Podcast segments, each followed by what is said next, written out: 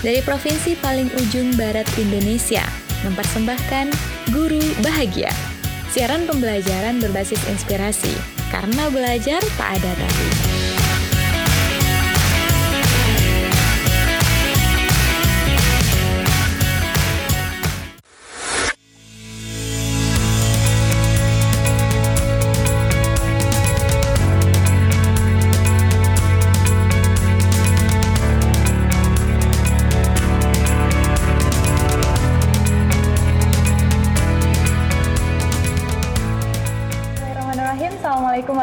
Warahmatullahi wabarakatuh. Waalaikumsalam warahmatullahi wabarakatuh. Masih dari Provinsi paling barat Indonesia. Halo, apa kabar sahabat bahagia? Dan hari ini masih bersama Siti di sini ya, sahabat bahagia. Seperti biasa juga, hari ini Siti tidak sendiri di sini ditemani dengan salah seorang narasumber untuk membahas tentang satu buah materi untuk hari ini.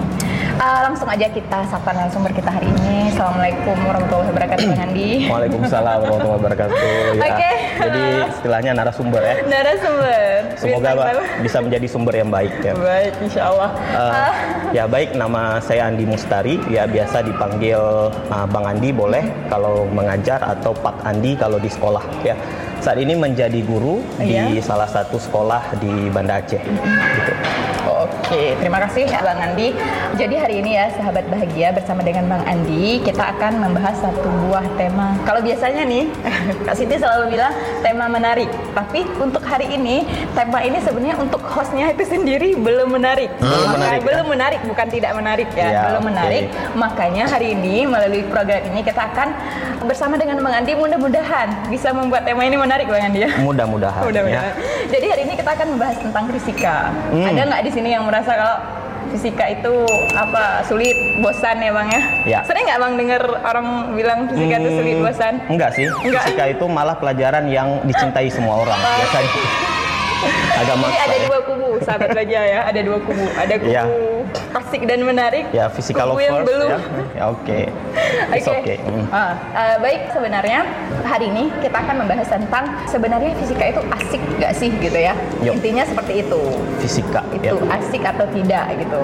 Tapi insya Allah kalau kita tanya sama Bang Andi, fisika itu asik ya Bang ya? Mudah-mudahan asik. Mudah-mudahan asik. Jawaban yang luar biasa. Baik sahabat bahagia, hari ini selama beberapa menit ke depan kita akan membahas tentang fisika. Yep. Ya, tentang fisika bagaimana fisika itu sendiri, kemudian implementasi fisika dalam kehidupan. Karena sering nih ya, mungkin secara general Bang ya, kita sering mendengar mungkin anak-anak sering bilang selain anak-anak yang ikut olimpiade mungkin ya, kita bilang bahwa fisika itu sulit, bosan. Yeah. Uh, fisika itu emang hafal rumus-rumus ya gitu kan. Sering tuh yang terdengar seperti itu. Bahkan kan ada ya. kalimatnya yang bilang bahwa di fisika kenapa apel sama kelapa jatuh aja harus dihitung gitu ya jatuh yeah. jatuh aja gitu kan ngapain dihitung gitu yeah. kan jadi uh, mungkin selama beberapa menit ke depan kita akan fokus ke pembahasan ini terus juga kita pengen nanya nih sama Bang Andi yang hmm. sudah malang melintang di dunia perfisikaan gitu ya. Oke. Okay. Bagaimana kemudian fisika itu uh, bisa nih menjadi bagian dari kehidupan kita sehingga maksudnya uh, bagi kami-kami ini yang tidak sangat familiar dengan fisika merasa bahwa fisika itu nggak seburuk itu loh, fisika itu nggak semembosankan yeah. itu loh gitu. Not that bad ya. Not that bad lah, untuk bad. Baik Kak Siti. Uh -uh. ya. Jadi kenapa ketika tadi ditanyakan apakah fisika itu asyik atau enggak, mm -hmm. saya jawabnya mudah-mudahan asik mm -hmm. ya. Karena saya tidak mau menentang hati nurani orang-orang di luar sana. Ya, kalau saya Baik. bilang asik kok fisika, oh, enggak ah. ya, enggak mungkin gitu kan. Uh -uh. Artinya tidak semua orang bisa sependapat ya, gitu benar, ya. sama benar. seperti kita misalnya ada orang yang suka bakso ya. Ada orang yang memang nggak suka bakso. Ya. nah orang yang suka bakso dia akan klaim bakso itu enak ya, gitu. benar, benar. nah orang yang nggak suka pasti bilang oh, enggak kok biasa aja gitu kan. Atau malah dia nggak bisa lihat bakso gitu ya, betul, kayak betul. orang nggak bisa lihat duren gitu. Baru baunya aja itu udah nggak suka gitu ya. Artinya suka itu adalah relatif ya nah relatif itu salah satu yang dipelajari juga dalam fisika kak Siti ya. jadi kalau masalah kehidupan gitu ya yang ada di alam sekitar itu ada fisikanya ya tapi tidak berarti kehidupan kita sehari-hari harus mengerti fisika gitu kan nah orang yang nggak paham fisika juga masih hidup kok sampai sekarang ya kan artinya apa bukan berarti kita harus menerapkan fisika di kehidupan sehari-hari ya. Kita minum teh harus, harus ngerti kita. fisikanya kan enggak gitu ya. Tapi buat kalian yang ingin mengetahui, yang ingin mengungkap rahasia alam, ingin melihat alam itu dari segi yang berbeda, nah maka bisa melalui science, juga. Ya, nggak harus fisika, sebenarnya science, science. itu uh. menjadi sangat penting gitu ya. Kalau bukan karena sains, mungkin kita sekarang tidak bisa menikmati keindahan pelangi. Ya, saya ingat sekali dulu waktu kecil-kecil ada pelangi, ih jangan tunjuk pelangi. Itu nanti bisa macam-macam tuh mitosnya Kak, Kak Siti ya. Iya, iya, iya uh, anak-anak sekarang mungkin nggak tahu mitosnya. Nggak tahu, ya. fitnah seperti itu kita zaman kecil gitu Jadi ya. kalau ada pelangi itu, jadi kita bukan merasa wah takjub, indah, kagum gitu, tapi malah takut untuk melihat apalagi menunjuk ih ada pelangi gitu. Nah, itu jadi mengerikan gitu ya. Jadi kalau bukan karena sains, yeah. maka kita mungkin masih, meng, uh, masih beberapa orang di dunia mungkin masih menyembah matahari. Yeah. Ya, tapi karena sains kita tahu matahari itu cuma bola gas raksasa yang bersinar dan seterusnya, maka tidak perlu disembah gitu kan. Walaupun dia uh, bermanfaat bagi iya. kehidupan. Yeah. Jadi sains nggak harus fisika nih saya secara umum kan. Iya yeah, benar-benar boleh. Jadi biologi itu karena biologi kita tahu seberapa jorok ujung jari kita. Oh, no. Gitu ya. Karena kimia kita tahu kenapa teh ini ya ketika dimasukkan gula gitu itu jadi berubah rasanya kemudian kenapa gula bisa larut ya kenapa kalau gulanya terus dimasukkan nanti gulanya lama kelamaan ya? nggak bisa larut gitu kan karena saya ingin menunjukkan bahwa Betul. ada sains itu di alam di kehidupan sehari-hari ya kalau kita mau melihat alam ini secara berbeda, keindahan alam ini secara berbeda, itu kan lebih jauh lagi kita ingin melihat kekuasaan Allah Subhanahu wa taala secara berbeda, maka bisa salah satu caranya melalui sains. Ya, maka orang-orang yang menganggap sains itu menarik itu karena melihat dari sisi itu Kak Siti. Ya, ya bukan melihat kerumitan rumusnya turunkan, enggak itu. Ya, ya. Bahkan Kak Siti yang menariknya, uh -uh. buku yang dianggap ya dalam fisika itu sangat berpengaruh untuk pengetahuan sekarang itu buku Sir Isaac iya, Newton iya, gitu iya. ya. Judulnya Filosofi Naturali bahasanya bahasa ini sih ya. Jadi bacanya saya nggak tahu baca aslinya karena bahasa Latin. Mm-hmm. Filosofi Naturalis Principal iya. Matematika. Itu iya. artinya prinsip matematika dari filosofi alam. Okay. Nah, uh. saya pernah download buku itu tapi yang udah diterjemahkan dalam bahasa Inggris. Saya berharap di dalam buku itu kan yang kita tahu hukum Newton itu ada sigma F, yeah, yeah, kali yeah, A ya kak situ ya, turunan bla bla bla. Ada ya, gambar gitu katrolnya, uh, ada balok guling-guling gitu uh, kan. Ternyata di buku itu nggak ada. Nggak ada satu hitungan-hitungannya. Nah, Newton di situ kan dia membahas sebenarnya filosofi alam okay. secara matematika. Jadi malah di situ banyak filosofinya. Oke, okay, oke. Okay, nah, okay. jadi ketika nanti suatu benda didorong dengan gaya yang besar dia jalan cepat, gaya kecil jalannya pelan. Nah, itu yang dia jelaskan di situ. Nggak ada rumus A F per M di situ. Nah, itu adalah bentuk matematisnya untuk gampang di analisis lebih lanjut, dipelajari ya, lebih lanjut. Benar, Tapi inti fisikanya itu sebenarnya filosofi. Iya, iya, iya. Ya, jadi mungkin jadi, kita bisa mulai dari situ. Iya, benar, ya. Untuk benar. asik itu kita harus memahami filosofinya sebenarnya filosofi bukan dari sains ah, itu sendiri bukan ya. terjebak dengan matematisnya gitu. Iya. Sebenarnya tadi Kak Siti mau tanya. Jadi hmm. intinya fisika itu nggak melulu tentang rumus ya, Bang ya? Enggak. ya. Bukan apa? Itu bukan uh, inti dari fisika. Aduh, saya bahkan nggak teringat satu rumus fisika pun sekarang Bang Didi. Ya, tapi masih masih bisa selamat kan? Iya masih bisa selamat masih hidup sampai sekarang. Masih bisa survive hidup ya? Iya insya Allah. Jadi, Jadi kita harus sedikit mematahkan stigma dulu nih ya bahwa mm -hmm. bukan cuma soal rumus mungkin yeah. fisika itu ya, walaupun dia terkait sama rumus ya. Yeah, Jadi seperti apa rumus. ini bang? Maksudnya tingkat kepentingan rumus itu sendiri dalam fisika sebenarnya seperti apa gitu? Nah, kalau kita membicarakan masalah tingkat penting atau enggak penting itu relatif -uh. tergantung posisi kita di mana. Uh -uh. Kalau posisinya mungkin adik-adik yang sedang sekolah gitu ya, tentu rumus itu penting karena tuntutan kurikulum adik-adik yeah. harus ikut ujian yeah, benar, karena soal-soalnya itu sekarang kebanyakan ya soal-soal hitungan yeah, ya. Yeah, yeah. Uh, tapi kalau untuk memahami fisika sendiri awalnya nggak dimulai dari rumus, yeah. Tapi dimulai dari pemahaman kita terhadap rumus itu. Yeah, yeah. Ya bahkan nanti kita bisa lihat contoh-contohnya yeah, yeah, ya. Jadi benar, banyak yang bukan fisikanya tapi diujikan gitu ya, bener, di tes-tes misalkan seperti tes CPNS ya, itu ya, diujikan walaupun di situ nggak disebut fisika tapi teori fisika di situ digunakan ya, ya. penasaran ya, dengarkan sampai selesai luar biasa ini okay. aja udah Jadi mungkin statusnya ya Kak Siti sendiri sebagai orang yang mungkin nggak familiar juga dengan mm -hmm. dunia perfisikaan aja ini udah yeah. merasa menarik ya adik-adik sahabat bahagia juga di sini. Yeah. Jadi um, mungkin selanjutnya yang apa membuat rasa penasaran Siti sendiri gitu ya. Yep. Yang mudah-mudahan juga ini rasa penasaran yeah. yang nonton gitu kan.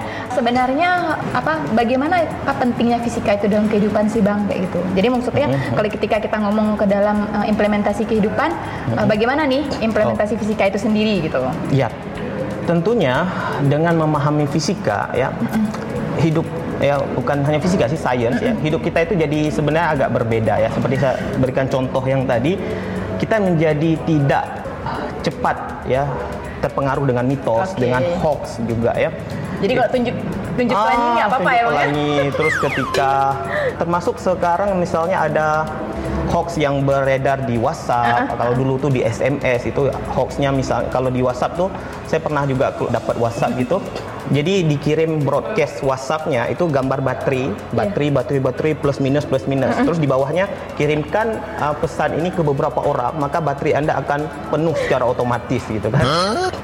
Oke okay, baik. Nah itu masya Allah ya. Jadi saya walaupun nggak tahu fisika saya nggak ngelakuin itu ya bang ya. Iya nggak ngelakuin. Nah jadi kan sayangnya banyak orang yang mempercayai itu bahkan mungkin mungkin ya masyarakat masyarakat iya, di luar sana ya nggak harus memahami fisika penurunan rumus enggak tapi setidaknya tahulah di di SD gitu sekolah dasar hmm. itu udah dijelaskan hukum kekekalan energi hmm. ya energi itu bisa berpindah dari suatu bentuk ke bentuk yang lain tapi tidak bisa diciptakan dan dimusnahkan jadi simpelnya kalau kita gunakan HP HP itu kan menggunakan energi terus hmm. ya jadi kalau kita kirim WhatsApp bukan bertambah baterai kita malah berkurang baterai ya selain baterai yang berkurang paket data juga insya Allah berkurang gitu ya jadi ya, benar, kemudian benar. ada juga broadcast ya seperti misalnya yang mengait-ngaitkan ke agama kayak gitu benar, ya benar, seperti benar. misalnya broadcast akan terjadi gempa pada tanggal ini sekian karena tanggalnya berulang bla bla bla bla nah sementara okay, menurut okay. sains sampai sekarang gempa itu belum bisa diprediksi gitu ya jadi di bawahnya kirimkan pesan ini ke ini gitu gitu jadi uh, macam-macam. Jadi yeah. di, yang kita sayangkan lagi itu bisa muncul ke sampai ke pendangkalan akidah. Yeah. Jadi di bawahnya kirim subhanallah bla bla bla ke berapa orang.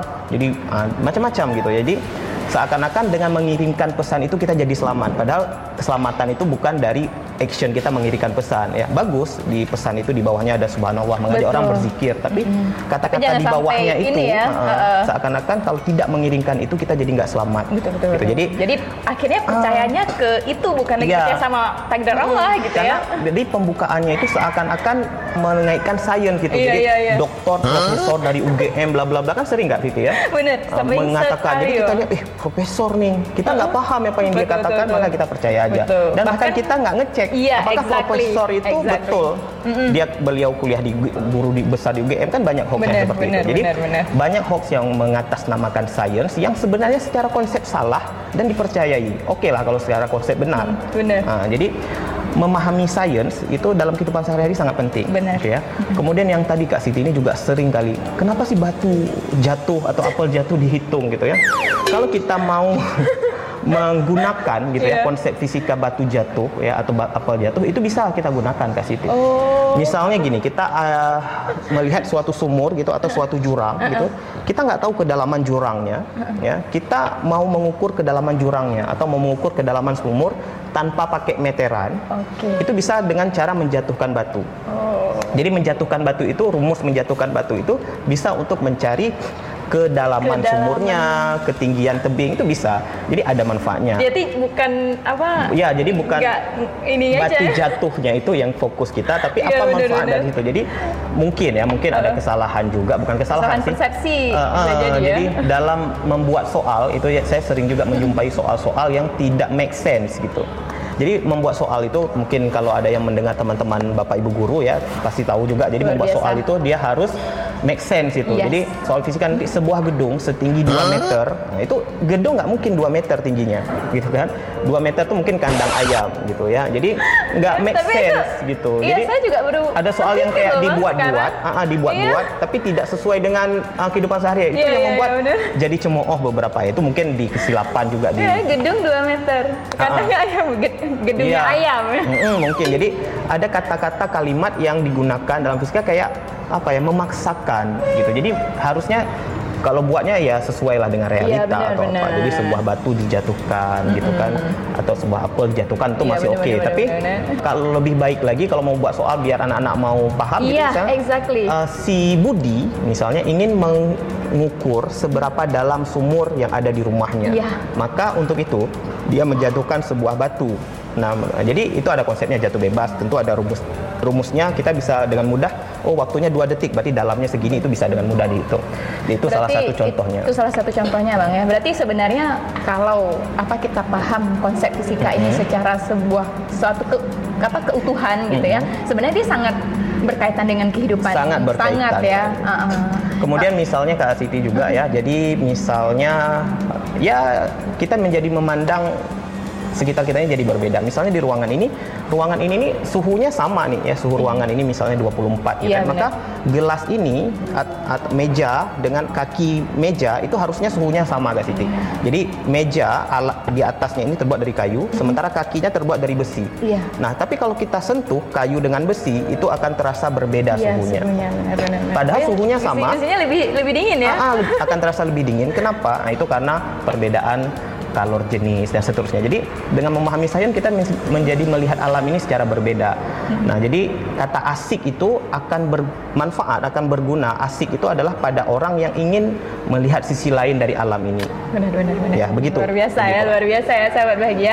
Ini Kak Senti sendiri yang seperti kita bahas ya, di nanti awal. pindah jurusan mudah-mudahan Kak Siti ya. udah telat. udah telat ya. Tapi nggak apa, nanti Kak Siti juga udah lebih tertarik ke fisika nih setelah ini. Nanti mungkin uh, akan belajar sedikit lagi ya, lebih banyak lagi dan melihat dengan cara yang berbeda seperti Bang Andi lihat tadi iya, ya. Mudah-mudahan ya. mudah-mudahan amin. Nah, Bang Andi mungkin apa salah satu yang membuat penasaran juga nih ya. Hmm. Sebenarnya kenapa sih kita harus belajar fisika? Mungkin dari Bang Andi sendiri, hmm. kenapa suka fisika gitu? Mungkin oh, dua di sini ya. Kenapa okay. mungkin seseorang itu harus belajar fisika hmm. sehingga mungkin kayak Bang Andi akhirnya suka fisika gitu. Ya. Uh. Jadi kalau di pribadi saya sendiri ya, saya pengalaman saya suka di pelajaran tertentu ya. Ini mungkin sama juga dengan teman-teman di luar sana. Yang pertama itu adalah faktor lingkungan ya dan faktor guru juga. Ya, jadi kenapa akhirnya saya memutuskan juga menjadi guru ya karena saya ingin membuat lebih banyak lagi orang yang ya kalau bisa melihat sisi bedanya dari fisika walaupun nanti dia nggak bekerja di jurusan fisika jadi guru fisika tapi melihat kalau alam ini sebenarnya itu sangat indah berbeda dengan ya sekedar kita hidup gitu. Jadi kalau kita cuma hidup gitu tapi tidak memahami ya kenapa bumi berotasi kenapa bumi melihat matahari gitu ya itu kayak menurut saya kurang jadi hidupnya. Jadi seberapa ajaib sebenarnya jadi bumi, uh, uh, seberapa ajaib sebenarnya bumi. Bumi itu sangat ajaib karena dia berada di jarak yang tepat dengan matahari. Dia berada, uh, memiliki lapisan ozon, uh, apa lapisan uh, udara, atmosfer, lapisan medan magnet itu sangat ajaib gitu. Jadi kalau kita cuma sekedar hidup gitu menjalani hidup terus mati tanpa mengetahui itu kayaknya Ya begitu. Ya, Jadi nah. kalau itu sebenarnya bukan kebetulan gitu ya, iya, Bang ya. benar, kebetulan. Jadi itu menjadi membuat kita kalau orang yang beragama iya, itu iya. menjadi ya bisa menguatkan iman kita juga. Nah, kalau pribadi saya adalah awalnya itu karena lingkungan, karena teman-teman dan karena guru. Jadi kita nggak bisa ada guru yang menginspirasi ya, berarti awalnya ya. Guru itu sangat menginspirasi. Jadi uh di saat saya SMA itu ada beberapa pelajaran yang saya suka dulu fisika, matematika dengan biologi itu loh. Okay. Itu karena tiga guru ini beliau menurut saya ketika mengajarnya enak gitu ya. Dan bisa membuat saya menarik gitu ya, menarik dan membuat penasaran gitu.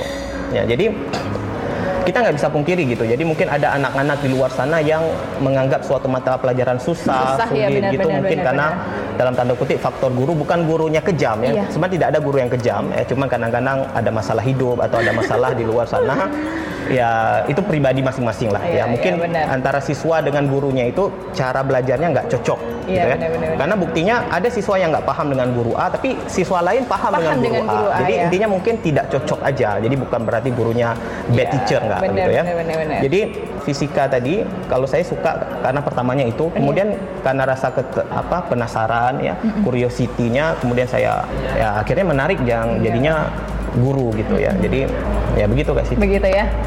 berarti uh, bisa jadi ini salah satu jalan misalnya kalau ada orang yang juga hmm. uh, menyukai fisika ya. Hmm. Jadi maksudnya maksud Siti gini bang, ada, apa alasan seseorang itu maksudnya sehingga dia uh, bisa dan mampu untuk suka sama fisika gitu?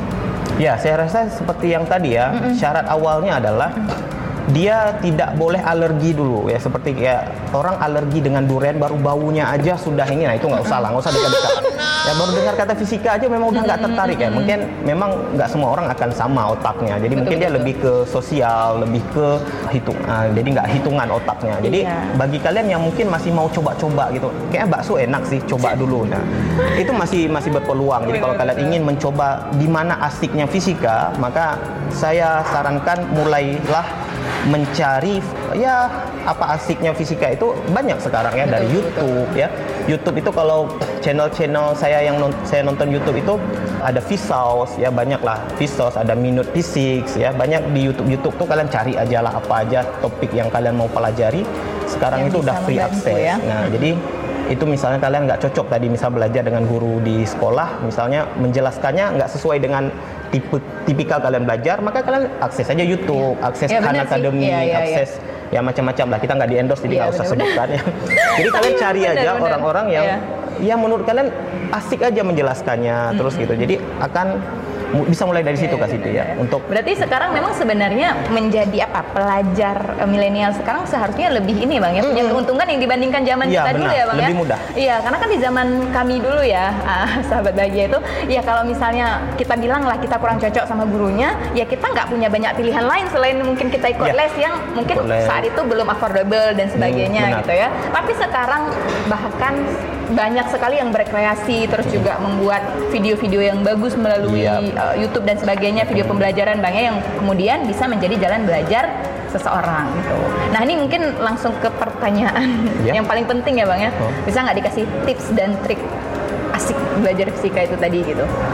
Ya sebenarnya kalau untuk adik-adik yang masih sekolah ya untuk belajar fisika ya kalau ini kalau teknisnya ya, kalau teknisnya, teknisnya ketika kita mau pelajari materi yang baru gitu ya atau mempelajari sesuatu coba usahakan kalian baca dulu materinya sebelum ya sebelum dijelaskan sama guru di sekolah uh -uh. ya intinya kalian mendapatkan pemahaman bacaan dulu nah karena masalahnya sekarang Kak Siti adalah kekurangan minat untuk membaca. Iya benar-benar. Oke, jadi kalau tips saya dulu uh -huh. itu sebelum besoknya, misalnya besok belajar tentang gerak jatuh bebas yang tadi. Maka saya baca dulu tuh, oh gerak jatuh bebas tuh belajarnya tentang ini loh, tentang ya, ini loh. Ya, ya, ya. Nah, jadi besok ketika guru menjelaskan, kita lebih nyambung. nyambung ya.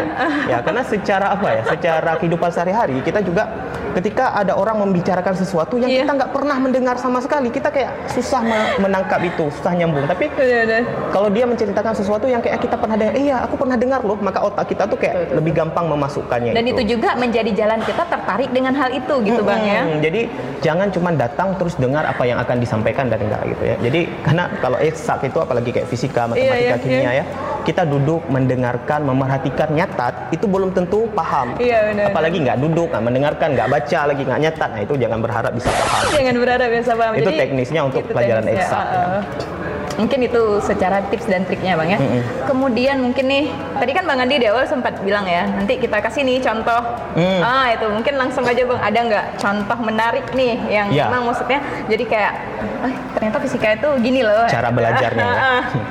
nah, jadi gini lah misalnya saya kan bilang tadi belajar fisika itu coba pahami dari konsep ya yeah. jangan dari rumus. Mm-hmm Contohnya misalnya kita mempelajari tentang kecepatan ya. Iya. Nah soal tentang kecepatan itu di CPNS pun ditanyakan, nggak peduli Ayo. kalian jurusan apa.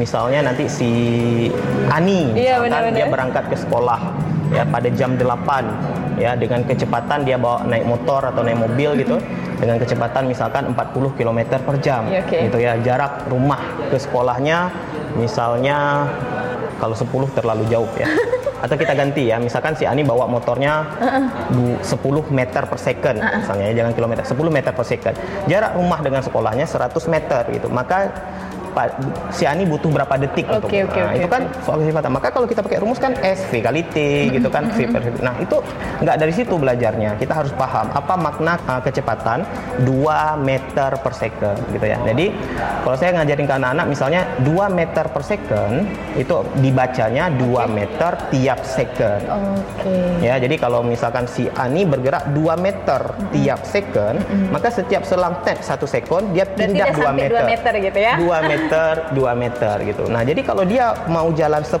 meter, maka dia butuh 5 kali jalan. Okay. Maka dia butuhnya 5 detik. Nah, maka kalau dia jalan 2 meter per second, jaraknya 100, itu kan kita tinggal bagi aja. Jadi logika bagi itu dapat dari yang tadi ya. Dari yang 2 meter per second. memahami itu ya, Bang ya. 2 meter per second. Maka kalau 10 kan 5. Dari mana yeah. 5? 10 bagi 2. Nah, itu secara nggak langsung siswanya udah dapat pemahaman benar, membagi. Walaupun nanti di ujung baru kita berikan bahwa T itu nanti S per V dan ya, seterusnya. Benar, benar, benar, benar, nah, jadi dengan pemahaman seperti itu, yeah. maka kita akan lebih tidak perlu hafal rumus Betul. karena rumusnya ke, sebelum ke hafal kita udah ada di kepala. Udah ada di kepala ya, secara nggak langsung sebenarnya ya. ya. Jadi simbol-simbol dalam fisika itu itu yang membuat orang berat. Iya, ya. seolah-olah bahwa ini kalau nggak hafal rumus nggak nggak nggak bisa, nih ngejawab soal ini ya. Ya, jadi But, mm -mm. Mm kalau nanti teman-teman tertarik belajar dengan cara fisika seperti itu, itu banyak metode-metodenya di internet ya. Salah satunya seperti fisika gasing namanya. Ya, ya, fisika benar. gasing itu kepanjangan dari gampang, asik, menyenangkan. Ya, itu yang menciptakannya Prof Yohanes Surya. Jadi okay. mungkin bisa cari fisika gasing betul, itu betul, betul, beliau membahas di situ cara berbeda untuk belajar. Itu salah satu tipsnya. Jadi teman-teman bisa free akses sebenarnya di internet itu banyak metode-metode belajar. Ya salah satunya fisika gasing dan seterusnya gitu ya. Okay. Dan sebenarnya ya tadi lupa disampaikan nih di awal sahabat bahagia, adik-adik semua mungkin yang sedang masa sekolah, Bang Andi ini juga punya channel YouTube-nya. Oh iya, ya, channel YouTube. Itu penting. Ya. Jadi Bang Andi ini punya channel YouTube namanya AM Course, ya. bisa dicari nanti ya langsung atau nanti ada linknya di bawah. Link aja di bawah nanti ya. Uh, nanti uh, di sana juga ada beberapa materi yang abang jelaskan gitu ya? Iya, jadi untuk sekarang di situ sudah ada materi-materi untuk kelas 10 SMA hmm. semester 1 ya, kemudian ada materi pembahasan untuk Olimpiade, KSM, KSN gitu. Kemudian insya Allah nanti akan ke depannya saya akan juga membahas konsep-konsep fisika dengan cara yang seperti yang tadi hmm. gitu. Jadi Luar biar biasa. muncul gitu hmm. menariknya di mana gitu. Iya, supaya Jadi, muncul. subscribe. Jangan lupa ya. Oke, baik mungkin ini juga tadi udah banyak ya penjelasan kita tentang apa mulai dari uh, konsepnya gitu Bang hmm. ya. Terus juga sampai Bang Andi ngasih tips dan triknya gitu ya. Yep. Mungkin ini yang salah satu pertanyaan menuju penghujung gitu ya. Okay. Apa nih pesan mungkin ada pesan-pesan Bang Andi buat adik-adik yang sekarang sekarang lagi belajar fisika, lagi mungkin memang dia sebenarnya baik yang semangat atau mungkin ada yang tidak semangat dan tidak tertarik fisika. Nah, jadi untuk dua kategori inilah gitu.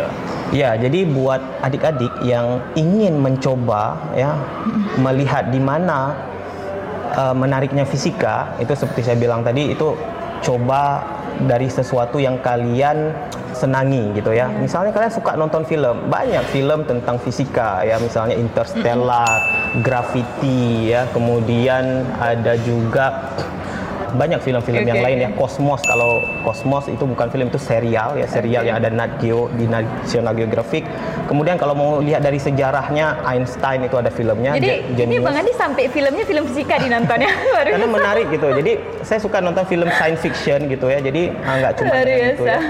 Jadi menarik gitu. Jadi ya, bener, melihat bener. film. Jadi misalnya kayak film Chernobyl gitu. Itu bencana nuklir terparah di abad di dunia itu uh, film Chernobyl mm -hmm. ya Kak Siti udah pernah nonton? Nanti nonton itu. Di situ ada pesan-pesan sosial juga ya. Uh -uh. Uh, apa harga sebuah kebohongan okay. gitu. Itu sangat menarik gitu filmnya. Tapi nanti di situ ada uh, kalau fisikanya itu radioaktif gitu. Jadi bahan radioaktif itu sangat berbahaya dan seterusnya. Jadi kalau adik-adik suka misalnya ini nggak harus fisika ya. Iya, saya, saya kasih gambaran umum. Misalnya suka tentang matematika nonton numbers ya. Numbers itu sangat enak juga ditonton. Pilihan ya. filmnya luar biasa. Banyak ya. Jadi kalau adik-adik suka main game misalnya ya. Ah, boleh nanti mau pelajari tentang gerak parabola melalui game itu film uh, gamenya Angry Birds ya.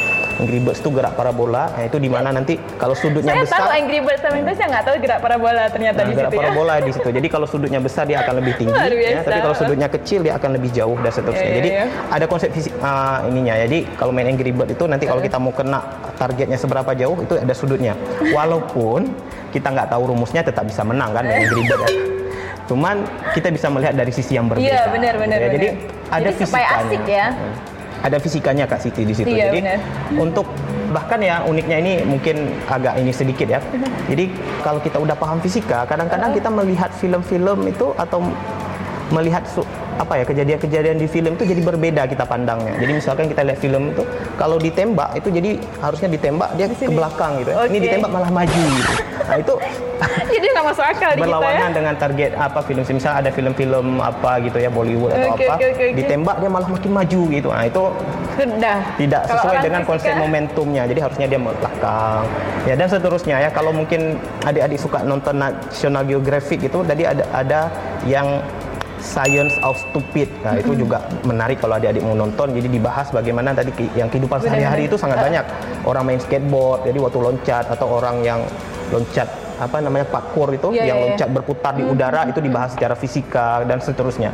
Kalau mau lihat fisika secara di kehidupan sehari-hari penerapan di mana itu salah satunya boleh itu Science Iya, benar, of benar. Stupid ya, Science nama. of Stupid bang ya. Hmm, nama Nanti kita searching ya dikit ya. Ya, jadi uh, saya bukan endorse ya channelnya. Jadi maksudnya kalau adik-adik ingin melihat di mana sih fisika dipakai di kehidupan sehari-hari, ya itu bisa mulai dari situ. Iya, ya benar, baru benar, dari situ benar. nanti kalau insya Allah tertarik dengan fisika ya silahkan gitu ya. Jadi tapi saya tidak mengatakan bahwa fisika itu asik untuk semua orang. Iya, benar. Ya, tapi fisika itu akan asik kalau kalian tahu sisi asiknya. Jadi Iya. kalau kalian ingin memang melihat uh, yang mem- bisa memaknai kehidupan kalian, bisa melihat uh, dari sisi yang berbeda Iya, gitu benar. alam ini maka pelajari sains nggak harus fisika bisa kimia bisa biologi dan bisa ilmu-ilmu ilmu. sosial yang lain juga human Se- gitu iya, kan iya, psiko- ilmu- psikologi orang gitu kan Iya, humaniora dan sebagainya. Sebenarnya semua ilmu itu penting ya, Penting dan ya. punya tingkat kalau film psikologi tadi itu sendiri. Kak Siti tahu psikologi film Iya, iya, psikologi iya, iya. enaknya itu yang Lie to Me itu enak Ah, juga ah, ah. ya tapi itu katanya ada versi Korea dan Iya, Barat. iya, benar, saya nontonnya benar. yang Barat yang Korea Oh, saya nggak tahu jadi Lie to Me itu dia ada kayak ahli gitu jadi ahli kebohongan jadi dia bisa mewawancara gitu jadi asik lah buat Iya, nonton aja iya. sendiri ya. Nanti nonton sendiri ya. jadi rekomendasi film ini ya ya di rekomendasi film. Ya. Tapi ya, mudah-mudahan sebenarnya- adik-adik nggak salah paham. Kita bukan mengajak adik-adik untuk nonton ya, tapi mengajak untuk ya banyak penerapannya. benar. Sains itu apa pun jurusan Iya, kalian benar, itu benar, ada penerapannya. Gitu. Sebenarnya setiap uh, ilmu itu penting, setiap ilmu itu punya cara asiknya sendiri. Yang penting cara kita menemukan asiknya itu di mana ya, Bang ya? benar. Mulai dari apa sisi-sisi terdekat kehidupan kita gitu. Ya mungkin kayak Bang Andi bilang tadi, mungkin ada yang nggak suka nonton bisa dengan Games. main game dan sebagainya. Intinya adalah sebenarnya sesuatu bisa menjadi asik kalau kita berpikir itu bisa menjadi asik dan menemukan cara yang asik gitu ya. Iya. Itu juga itu salah satu konsepnya di guru bahagia gitu ya. Iya, jadi belajar itu nggak harus harus bahagia belajar Iya. itu. Jadi temukan cara belajar kalian, temukan pelajaran yang sesuai dengan kalian. Apakah itu fisika, apakah yang lain itu terserah kalian. Tapi kalau untuk fisika tipsnya yang tadi itu ya, silakan diputar ulang kalau paham. Baik, baik. Terima kasih, Mbak Andi. Jadi intinya sama dengan konsepnya uh, di Guru Bahagia, belajar uh, bersama, belajar bahagia ya adik-adik. Mungkin itu dia tadi pertanyaan terakhir di kesempatan kali ini Ya. ya Bang Andi ya. Mungkin sedikit aja lagi closing statement kayak satu baris dua baris kayak jadi moto atau hal yang penting yang ingin Bang Andi sampaikan dari pembahasan kita yang sudah kita bahas sejak tadi gitu. Ya, berarti satu, kalimat, aja ya. Satu kalimat aja gitu. Jadi sebagai kesimpulan juga ya, fisika itu asik, tapi tidak untuk semua orang. Itu Jadi aja. gitu aja. Oke, terima kasih Bang Andi untuk kesediaannya hari ini. Ya. Ya. Ini dia kita membahas fisika secara general tentang asiknya fisika. Ya, kalau memang adik-adik merasa videonya bagus, silahkan subscribe nanti ya. Terus juga silahkan di like, komen dan sebagainya supaya nanti mungkin kalau videonya rame yang nonton nanti Bang Andi bisa hadir lagi untuk menjelaskan konsep berikutnya gitu ya. Ya, mudah-mudahan. Mudah-mudahan insya Allah dan juga bagi adik-adik yang pengen belajar secara materinya bisa langsung Subscribe ke AM Course AM ya. Course dan nonton di sana ya. Baik, terima kasih itu dia penjelasan kita hari ini.